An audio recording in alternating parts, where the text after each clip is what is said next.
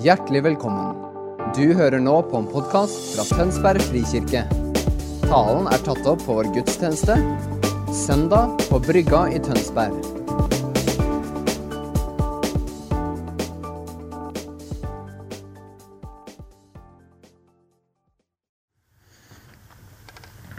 Og Helligånd, jeg bare inviterer deg til å komme og lande med din fred i hele forsamlinga, i hele menigheten vår. Både de som er til stede her i dag, og de som tilhører menigheten vår, som, som av forskjellige grunner ikke er her i dag, pappa. At vi som menighetsfellesskap skal være fylt av fred. Himmelsk fred som overgår all forstand. Som gjør at alt som prøver å stresse oss opp, prøver å skyve oss ut av balanse, det bare faller til jorden og forsvinner og drukner. Takk, Jesus, at du gjør det mulig for oss. Tusen takk til lovsangsteamet for uh, fantastisk lovsang. Det er godt å lovsynge sammen. Og det er godt å være her. For de som lurer på hvem jeg er, så heter jeg Halvor. Og jeg er gift med den peneste dama i kirka.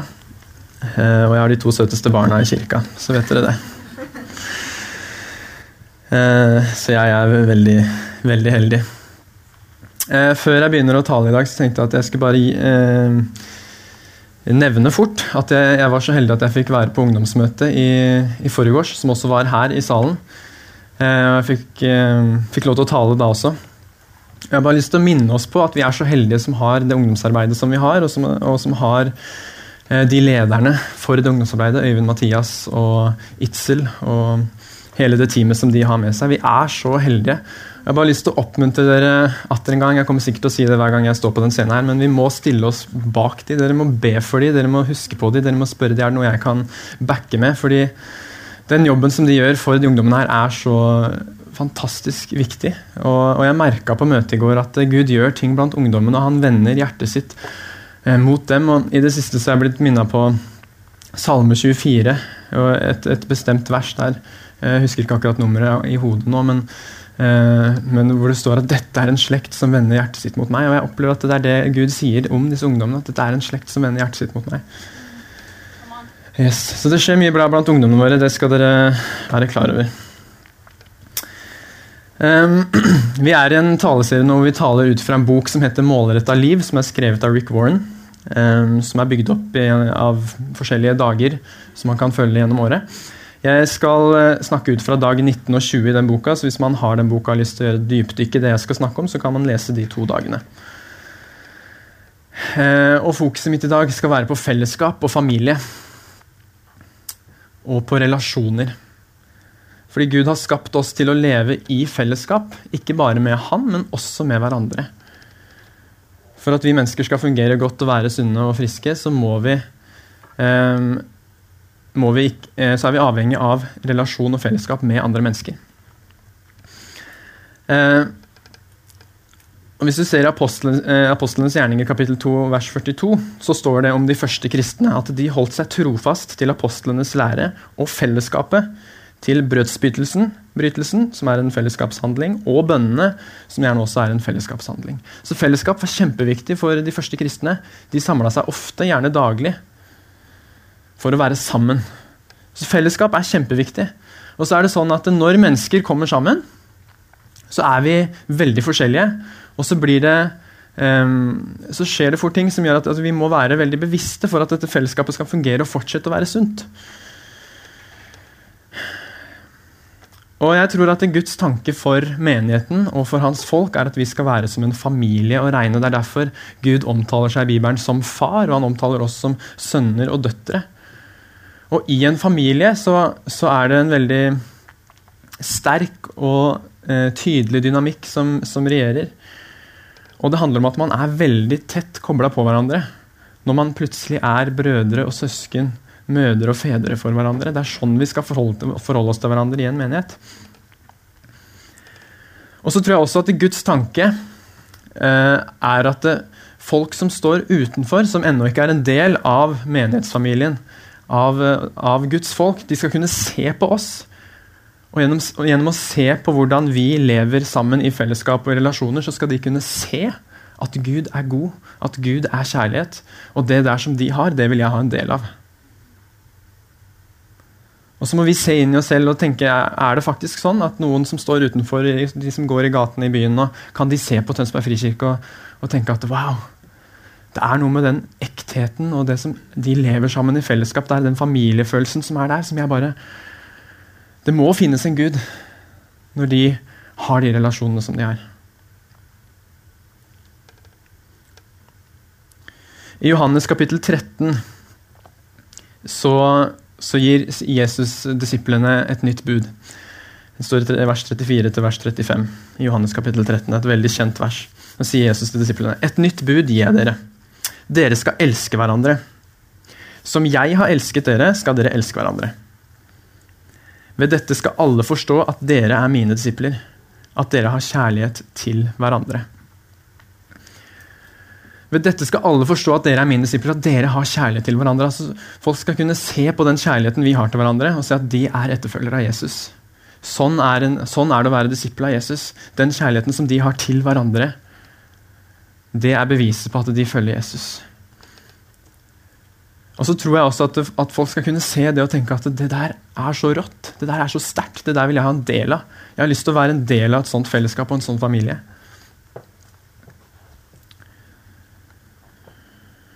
Og så I Johannes kapittel 17 så ber Jesus for disiplene, og ikke bare for disiplene, men for alle som kommer til å ta imot han i, i all framtid. Eh, og i den bønnen så føler jeg at han setter, gjør det enda mer konkret. Det at eh, vi som fellesskap skal være et bevis for omverdenen om at Gud, at Gud fins, og at Gud elsker dem. Eh, det står i Johannes kapittel 17, og fra vers 21 til 23 så ber Jesus må de alle være ett, slik du, far, er i meg, og jeg i deg. Slik skal også de være i oss, for at verden skal tro at du har sendt meg. Den herligheten du har gitt meg, har jeg gitt dem, for at de skal være ett, slik vi er ett, jeg i dem og du i meg, så de helt og fullt kan være ett. Da skal verden skjønne at du har sendt meg, og at du elsker dem slik du har elsket meg. Da skal verden skjønne at du har sendt meg og at du elsker dem slik du har elsket meg. Når vi er ett, når vi holder sammen, når vi har det der sunne fellesskapet. Og det må være ett. Det, helt, det, kunne vært en hel taleserie om bare det. Jeg skal ikke gå veldig dypt inn i det, men det handler om mer enn å bare være enig hele tiden. Jeg tror fint det går an å være uenig om ting og fortsatt være ett. Men det handler om hva du gjør med den uenigheten. Skal jeg la det at jeg er uenig med Erlend om noe diktere relasjonen min, at jeg er glad i han? Nei. Så lenge, så lenge vår relasjon kommer over uenigheten, så tåler relasjonen vår uenighet. Så Guds tanke for menighetsfellesskapet og for oss er at vi er en familie. Og at verden skal kunne observere oss som familie og den kjærligheten som vi har for hverandre, og den enheten som er blant oss.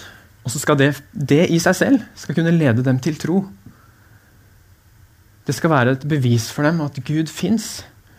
At den, den, kjærligheten som jeg ser i, i, den gruppa her med mennesker, den er så sterk og så ekte at det må, det må være en Gud som står bak det. Og jeg tror faktisk at hvis vi klarer å fungere ordentlig som en familie i, i, og som et ordentlig fellesskap, så vil det være et av de sterkeste vitnesbyrdene vi kan gi til der, de der ute.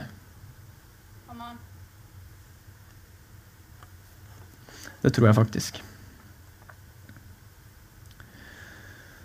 Så er det sånn at Allikevel så, så, ser man jo at vi, vi, kristne vi er ikke perfekte, vi heller. holdt jeg på å si, og i, i, mange sammenhenger så ser man uh, kristne som krangler med hverandre, det er kirkesplittelser og det er tjo og hei. Og det fungerer ikke alltid sånn som det skal. Selv om Gud har gitt oss, han har gjort oss til nye skapninger, han har gitt oss Den hellige ånd, har gitt oss alle mulige forutsetninger for å lykkes i det å leve fellesskap sammen. Og Likevel så snubler vi og feiler vi. Og Hvorfor er det sånn? Jeg, jeg tror bl.a. det har med at uansett hvordan vi vrir og vender på det, så er det å leve i fellesskap og det å leve i relasjon til hverandre, det handler om valg, og det handler om hardt arbeid. Selv om Gud har gitt meg alle verktøyene jeg trenger for å fungere godt i en relasjon med Erlend, så er det ikke gitt at jeg fungerer godt i den relasjonen hvis ikke jeg er framoverlent og faktisk tar det ansvaret.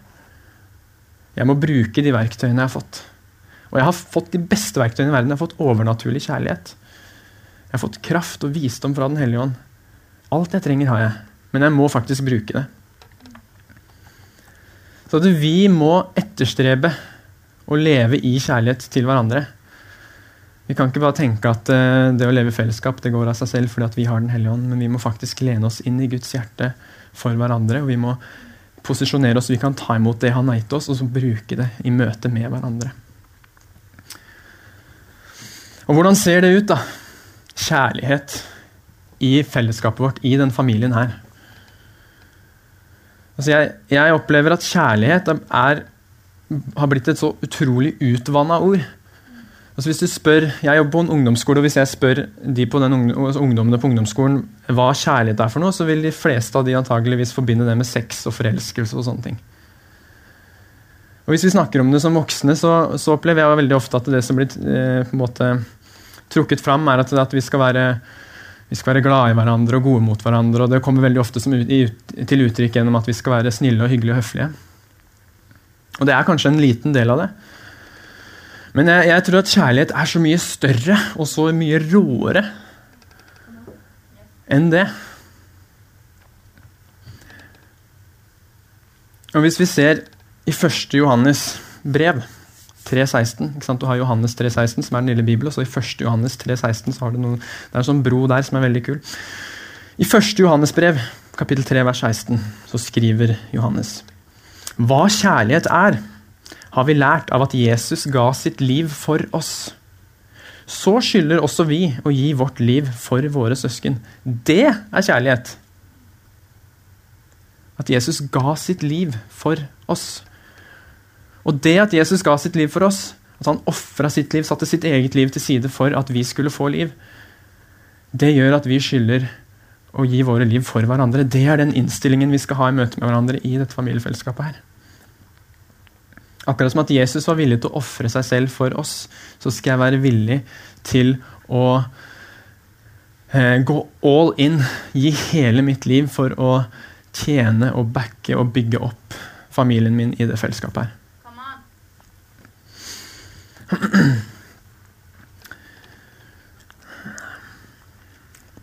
Og jeg tror det er, det er uh, Kjærlighet er et helt sånn enormt begrep, og det innbefatter så utrolig mye, men det er to ting jeg har lyst til å trekke fram i dag to aspekter av ekte, rå Jesuskjærlighet som jeg tror at vi ofte glemmer og undervurderer.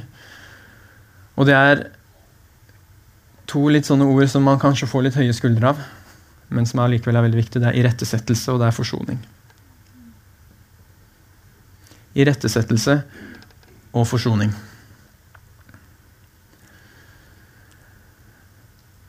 Og Jeg bare lyst til å gi dere et litt sånn banalt eksempel. men Jeg har som sagt to barn. Jeg har en sønn som heter Nathanael, som er tre år, og så har jeg en datter som heter Latina, som er ett år. Eh, og hvis Nathanael eh, plutselig dytter lillesøstera si, som akkurat har lært seg å gå, eh, så er det ikke sånn at jeg står der og sier til Nathanael jaså, jaså, du valgte å gjøre det, ja. Ja, det er mange som sikkert velger det. Ja. Sånn er det, ja. Jeg gjør jo ikke det. Jeg, jeg, går jo inn og så irettesetter han, fordi at eh, jeg vet at eh, hvis, til, hvis, den holdningen som han viser frem der, får lov til å fortsette å vokse, så er den det går mest utover, er han selv. Og ikke lillesøstera som har dytta, selv om det gikk utover henne også. Men skjønner dere poenget mitt? I den situasjonen så ser kjærlighet ut som at jeg irettesetter sønnen min. Og Det var et veldig banalt eksempel, men hvis vi hvis dere begynner å se inn i alle de relasjonene dere har, så kommer dere til å, til å se eh, situasjoner Vi har alle vært borti situasjoner hvor, hvor, det som egentlig har vært behovet, har vært irettesettelse, og ikke en sånn derre ja, ja, jeg skjønner at det er sånn, ja, at du valgte det. Ja, mm, ja det er sikkert mange som tenker sånn. Og I dagens samfunn så, så lever vi sånn, og det er helt normalt å tenke sånn. Men noen ganger og så tenker vi at det er kjærlighet, for da, da, blir ikke den personen såra. Man kan jo fort bli såra hvis jeg tar opp det som er vanskelig og, og, vondt, og som jeg tenker at ikke er bra, som den personen holder på med. Og så er vi så veldig opptatt av at kjærlighet ser ut som at man skal smile hele tiden. og være, Man kan godt smile, for så vidt, men at man skal hele tiden at alt skal være så fint. Mens av og til så ser kjærlighet faktisk ut som at man setter ned foten og tar taken og sier 'hva er det du driver med'? Det her er jo ikke bra for deg, og det er av hensyn til deg jeg sier det. Jeg, hadde, jeg gikk eh, tre år på bibelskole i USA, og i, i de åra så hadde jeg en, en mentor som heter Barbara, som var helt utrolig god på irettsettelse. Hun hadde bare den derre Eller hun hadde kanskje ikke da, det filteret som veldig mange har. Som, eh, som, gjør at vi kvier oss litt for å ta tak i ting. Hun var sånn som bare sa det som trengte å bli sagt. Og så gjorde det litt vondt der og da, men så var det innmari godt også, for da fikk jeg faktisk, fikk jeg faktisk sannheten. Istedenfor at noen gikk rundt salaten og på en måte aldri sa det som, sa det, som det var. Så, så, sa hun som det var. Jeg husker flere av de de mentormøtene jeg hadde med henne, hvor, hvor vi satt sammen og hun, snakket, Vi snakka sammen, og hun ga meg råd og sånn, og jeg snakka om hva jeg tenkte på. Og sånn. Og hun var så utrolig god på å eh, Hun kalte det 'two kisses and a slap'. På norsk betyr det to kyss og et, et sånn, en fik, ørefik. Uh, og det hun gjorde var at uh, Hver gang jeg, hadde, jeg var i et møte med henne, så følte jeg meg alltid fantastisk, for at hun skrøt av meg og kalte ut alt det hun så bodde i meg, som Gud hadde lagt ned i meg. Uh, og Samtidig så følte jeg meg så dum, for at hun begynte å peke på de tingene. sånn, 'Du må jobbe med det her, Alvor, og her må du slutte med det.' Og, ikke sant? Og så avslutta han igjen med sånn der, og 'Du er fantastisk, Alvor, fordi at Gud har kalt deg til det, og det her bor i deg, og du må la det komme fram.' Så jeg, jeg, gikk alltid ut av de møtene og følte meg fantastisk, samtidig som at jeg var smertelig klar over at det var ting jeg måtte enten jobbe med eller legge fra meg. Og det er sånn vi må holde på. Er, jeg tror det er sånn irettesettelse ser ut. Og hun pleide å si noe som jeg syns er så utrolig vist. Hun sa til meg et halvår du kan si hva du vil til hvem du vil, det handler bare om måten du sier det på. Du kan si hva du vil til hvem du vil, det handler bare om måten du sier det på. Og så tror jeg at det er eh, jeg tror det er tre ting som må være på plass for at sunn irettesettelse skal skje i en menighet og i, i, i, vårt familiefellesskap. Og det er at det må være riktig grunnlag, det må være riktig middel og det må være riktig mål. Og hva er det jeg mener med det? Når vi irettesetter noen, så må grunnlaget for irettesettelsen være relasjon. Det kan ikke være, altså jeg kan ikke, Hvis Eivind og jeg ikke kjenner hverandre, så, så blir det veldig unaturlig at jeg skal gå i rettesette Eivind. Fordi, fordi, for det første, altså Når Eivind ikke kjenner meg, så har han ikke noe respekt for det jeg sier. Han er litt sånn 'Hvem er du?' Jeg driter i hva du sier. Men hvis, jeg, hvis jeg og Eivind er kompiser, bruker en del tid sammen, har relasjon, så har jeg også den inngangen til hjertet hans hvor jeg kan ta tak i de tingene som jeg ser. sier Eivind, jeg ser det her og det her som du kanskje burde være litt bevisst på. Så Grunnlaget for sunn irettesettelse må alltid være relasjon. Det er ikke din jobb å irettesette folk som du ikke har relasjon til. Og For noen så var det kanskje en litt sånn vekt av skuldrene, så det er bra. Og middelet i en irettesettelse, når du har relasjon med personen, så må middelet alltid være kjærlighet og omsorg. Altså Du må gjøre det gjennom gjennom eh, kjærlighet og omsorg. Du må, du må, vise tydelig. Snakke med mild stemme, kanskje. Si flere ganger at jeg sier det her fordi jeg er glad i deg, fordi jeg bryr meg om deg. Det må være middelet du bruker. Det nytter ikke å være hard. Streng, kjefte. Jeg tror ikke man kommer noe langt med det. Og målet når man irettesetter noen, må alltid være gjenopprettelse og personlig vekst. Både hos den du irettsetter, men også hos deg selv, fordi at du faktisk tør å ta tak i noe. Så Sånn tror jeg rettesettelse ser ut. Grunnlaget må være relasjon, middelet må være kjærlighet og omsorg, målet må være gjenopprettelse og vekst. Hvis du treffer på alle de tre punktene, så er vi innafor. I Romerne kapittel 12, som er et av mine favorittkapitler i Bibelen, som bare er packed med, med fantastiske sannheter, så står det bl.a. en veldig viktig ting i, hvis vi leser fra vers 16 til 18. Så står det 'hold sammen i enighet'. Gjør dere ikke for høye tanker, men hold dere gjerne til det lave, og vær ikke selvkloke. Gjengjeld ikke ondt med ondt, men ha tanke for det som er godt for alle mennesker. Hold fred med alle, om det er mulig, så langt det står til dere. Hold fred med alle. Det er kjempeviktig, og det bringer meg inn på det neste punktet, eller det neste aspektet av kjærlighet, som jeg tror er viktig, og det er forsoning. For Da Jesus døde og sto opp igjen, så eh, forsona han eh, menneskeheten med Gud. Han fjerna det som sto mellom oss mennesker og Gud. Han, han fjerna synden og gjorde, oss, gjorde, det mulig for oss å ha relasjon med Gud igjen. Han tok bort det som blokkerte og ødela for relasjonen, og det er det forsoning er. Forsoning tar tak i og fjerner det som blokkerer og ødelegger en relasjon. Og det er jo kjempeviktig i et menighetsfellesskap også.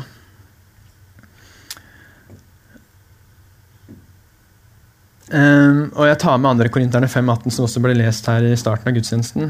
Um, men alt er av Gud, Han som med Kristus forsonte oss med seg selv og ga oss forsoningens tjeneste. Så vi har fått forsoningens tjeneste, altså en tjeneste som innebærer både at vi er kalt til å forsone uh, mennesker med Gud, lede de til Jesus, men også at vi skal søke forsoning med hverandre og holde fred med hverandre så langt det står oss til.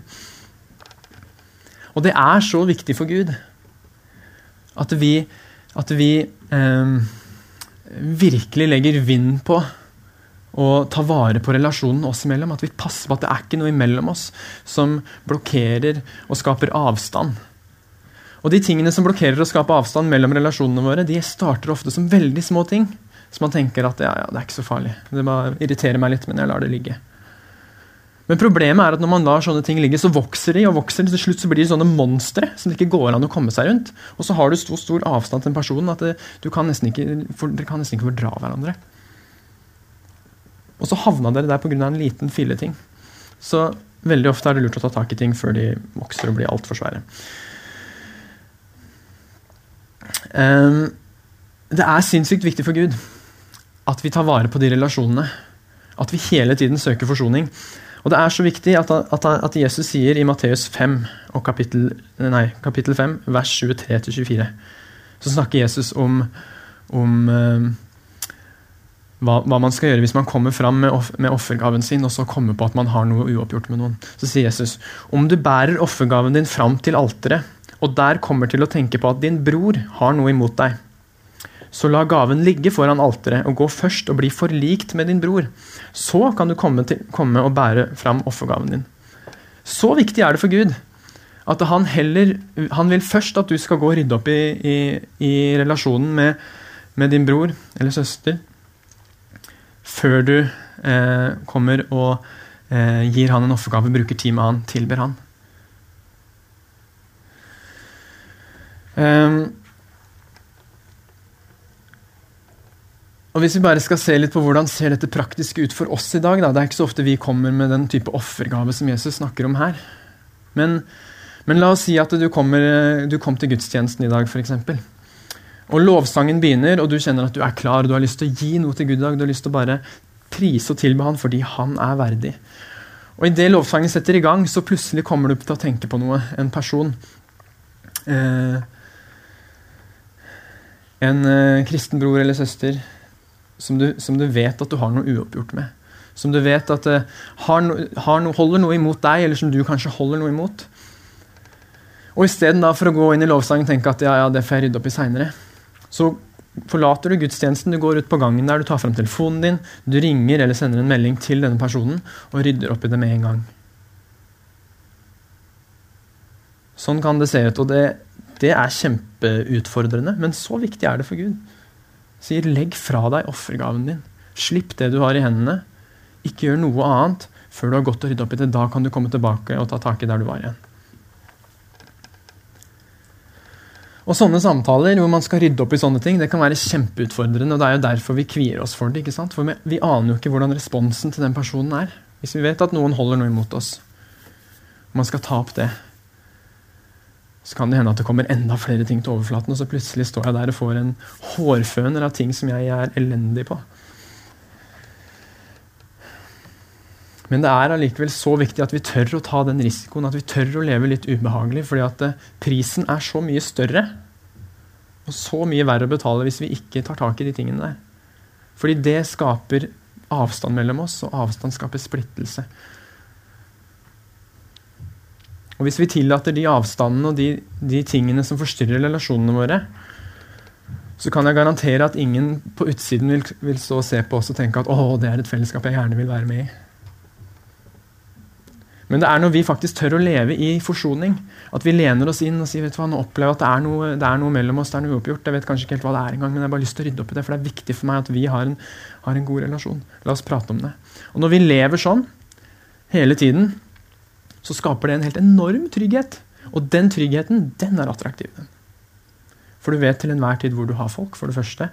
Og for det andre så vet du at her er det folk som holder relasjon over uenighet eller ting som som kan komme imellom oss. Det er viktigere for disse folka her at de er kobla på meg, enn at vi er uenige om et eller annet. Henger dere med? Bra. Og så er det et viktig poeng. Når man skal praktisere det aspektet av kjærlighet som jeg kaller forsoning, ehm, så er det sånn at du har kun ansvar for én side av en relasjon, og det er din. Så hvis jeg har noe uoppgjort med Kjetil, og jeg ønsker å ta tak i det, og jeg tar kontakt med Kjetil, og jeg tar den tøffe samtalen, eh, så fins det ingen garanti i hele verden for at eh, Kjetil er mottagelig for det. Kanskje han ikke vil forsones. Kanskje han fortsatt syns at jeg er en kjiping som han ikke vil ha noe med å gjøre. Og da er det hans valg. Men jeg har i hvert fall gjort mitt for å forsones. Du kan bare du kan bare styre deg selv, du kan ikke kontrollere hva noen andre gjør.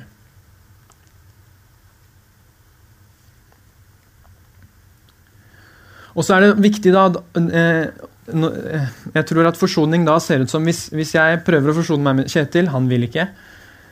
Så er det ikke sånn at jeg skal bare ok, ja, men samme det, da vil han ikke, da bare fortsetter jeg. og Da driter jeg også bare i Kjetil. Hvis Kjetil driter meg, så driter jeg i Kjetil. Det er ikke forsoning. Da er min jobb å tenke at ok, Kjetil eh, er ikke interessert, men jeg skal fortsatt jeg skal be for Kjetil. Jeg skal sørge for at mitt hjerte mot Kjetil er så godt som det kan være. Og jeg skal være positivt innstilt, og jeg skal gjøre alt jeg kan for at, eh, for at hjertet mitt ikke skal surne mot han, selv om kanskje hans hjerte har surna mot meg. Skjønner? Forsoning stopper aldri opp. Ikke sant? Det er, det, er, det samme med Gud. Gud har tilbudt alle mennesker forsoning gjennom Jesus. Men han tvinger ingen til å ta imot. Og på samme måte kan ikke vi tvinge noen til å ta imot. Vi kan bare ta ansvar for vår side av relasjonen. Det er et viktig poeng.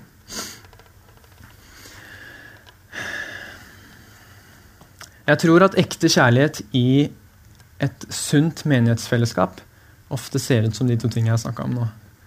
Forsoning og irettesettelse. Og det er to ting som eh, kan være veldig ubehagelige, og de kan føles veldig risikofylte, for man vet jo ikke hvordan folk eh, responderer når man tar de tøffe samtalene. Men, men, vi vet at hvis vi tør det, så er belønningen for å tørre å lene seg inn i relasjoner istedenfor å lene seg ut når du opplever at ting blir vanskelig, den er så enorm fordi at den skaper trygghet. Den skaper nærhet. Og så tror jeg også at det åpner opp for at Guds nærvær kan lande enda mer iblant oss. Fordi Bibelen er tydelig på at det som skiller oss fra Gud, det som hindrer Han i å nå fram til oss, det er synd.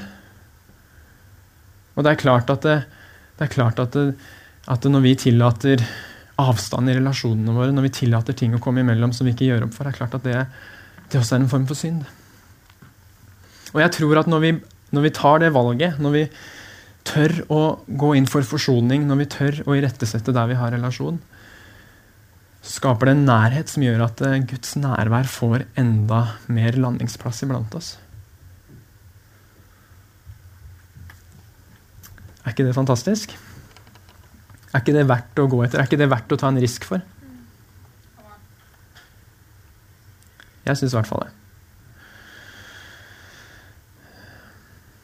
Eh, lovsangsteamet kan få lov til å komme opp igjen. Um, hvis vi aldri lever Hvis vi aldri tar tak i forsoning og, og irettesettelse Hvis vi bare er sånne som smiler og nikker og er blide og hyggelige med hverandre, så kan det kanskje se ut som at det er mye kjærlighet her. Men egentlig så er det mye falskhet. Og det verden vil ha, er ikke det som er falskt, men det som er ekte.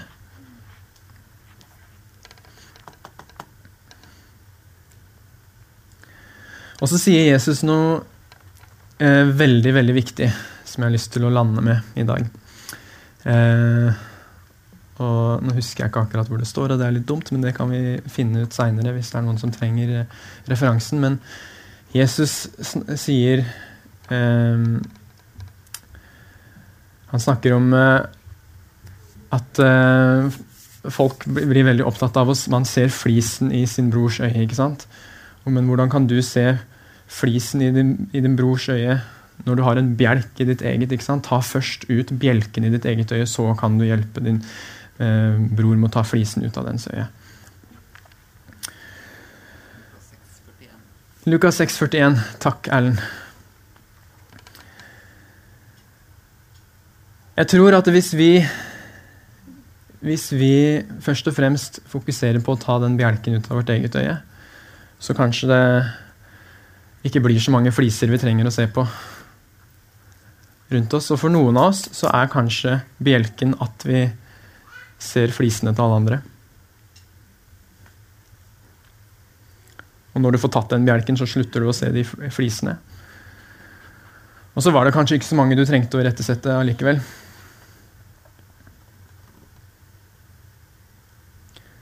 Bare en tanke. Men det viktigste er at uh, irettesettelse og forsoning um, Det skjer der hvor du har relasjon. Der hvor du har inngang til noen sitt hjerte. Det er ikke din jobb å irettesette noen som du ikke har relasjon til. Med mindre du blir invitert inn i prosessen som, eh, som en leder eller som en tredjepart. Så Bibelen snakker også om det. Men det viktigste vi gjør, er at vi tar en bestemmelse på at vi skal være framoverlente med hverandre, med de som er eh, mine nærmeste i denne menighetsfamilien. Så skal jeg strebe etter å hele tiden holde fred og forsone meg hvis det er ting som dukker opp mellom relasjonene. Og jeg skal tørre å irettesette når jeg ser at folk gjør ting som ikke er bra for dem. For da er det, da, da er det, sånn, da er det, det kjærlighet ser ut som. Det kommer, det kommer, tider hvor kjærlighet ikke ser ut som at vi bare skal smile og være blide og glade og hyggelige å prate med, men hvor kjærlighet ser ut som at vi tør å ta tak i ting.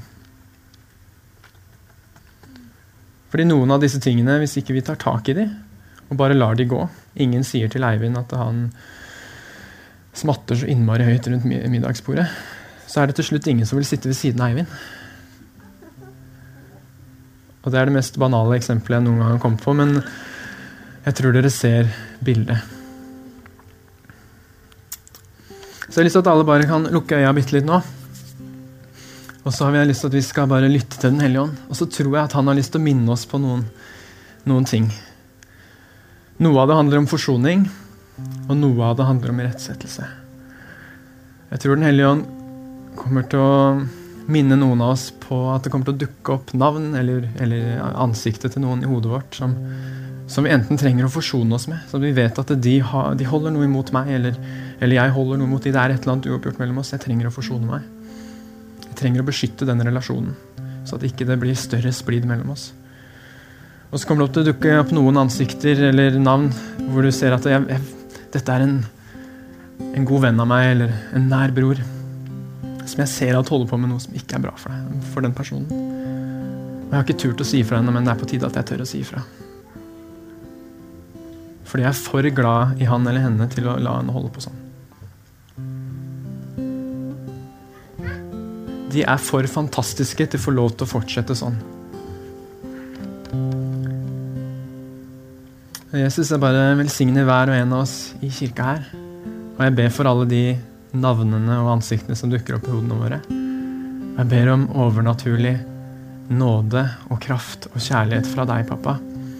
Til å løse de situasjonene på best mulig måte. La det flyte av kjærlighet når vi skal rydde opp imellom hverandre. Og når vi skal tale sannhet til hverandre. Jeg takker at da intensjonen alltid er at vi skal være tett knytta sammen. Og at vi skal bidra til personlig vekst hos hverandre. Så at vi vokser og blir mer og mer lik deg, Jesus. Og hjelp oss til å først se bjelken i vårt eget øye, ta tak i våre egne ting, før vi begynner å pirke flisene til andre.